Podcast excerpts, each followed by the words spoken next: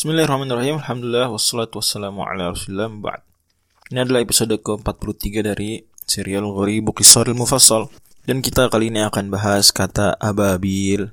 Wa arsala alihim tayran ababil dan Allah mengirimkan atas mereka yakni atas tentara bergajah yang hendak menyerang Ka'bah. Tentara bergajah yang dipimpin oleh Abrohah dari Yaman. Allah mengirimkan kepada mereka tayran burung-burung, tayr jamak di sini ababil. Ababil bukan nama burungnya ya. Tapi ababil artinya jam, artinya adalah berkelompok-kelompok. Jama'atin jama'atin. Nah, sirban waro asirbin. Kelompok, berkelompok-kelompok.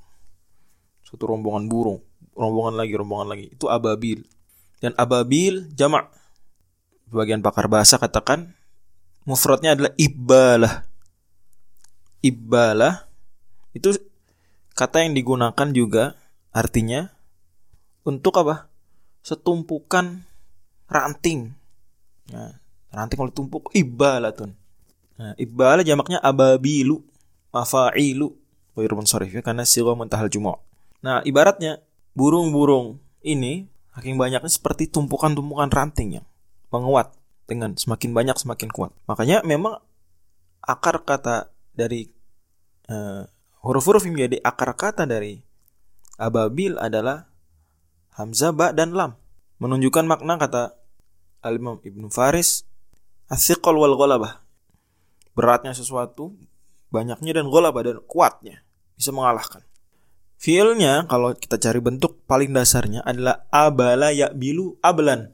Abala bilu ablan. Artinya kasuro menjadi banyak. Artinya imtana'a wa ghalaba menjadi kuat bisa mengalahkan. Dan memang begitu Burung ini kecil mungkin ya. Ranting juga ringan, mudah dipatahkan. Tapi kalau burung banyak, berkelompok-kelompok, kelompok demi kelompok, uh, kuat. Dan ranting tadi satu bisa dipatahkan. Tapi kalau banyak setumpuk, ah, sulit dipatahkan. Orang Indonesia kan punya ungkapan seperti itu, lidi satu bisa dipatahkan mudah. Tapi kalau sapu lidi tebal begitu, coba dipatahkan sekaligus, sulit. Pun kita punya hewan namanya ibil afala yang turuna ilal ibili kaifa khuliqat di surat Al-Ghasyiyah. Dan ibil bahasa Arabnya untuk unta. Ini bahasa Arab artinya unta. Bisa juga berjamak ibil jadi unta-unta. Dan semua jenis unta bisa disebut ibil. Kenapa? Karena unta ini hewan yang berkelompok dan juga dia kuat. Ya, makin banyak makin kuat. Wallahu a'lam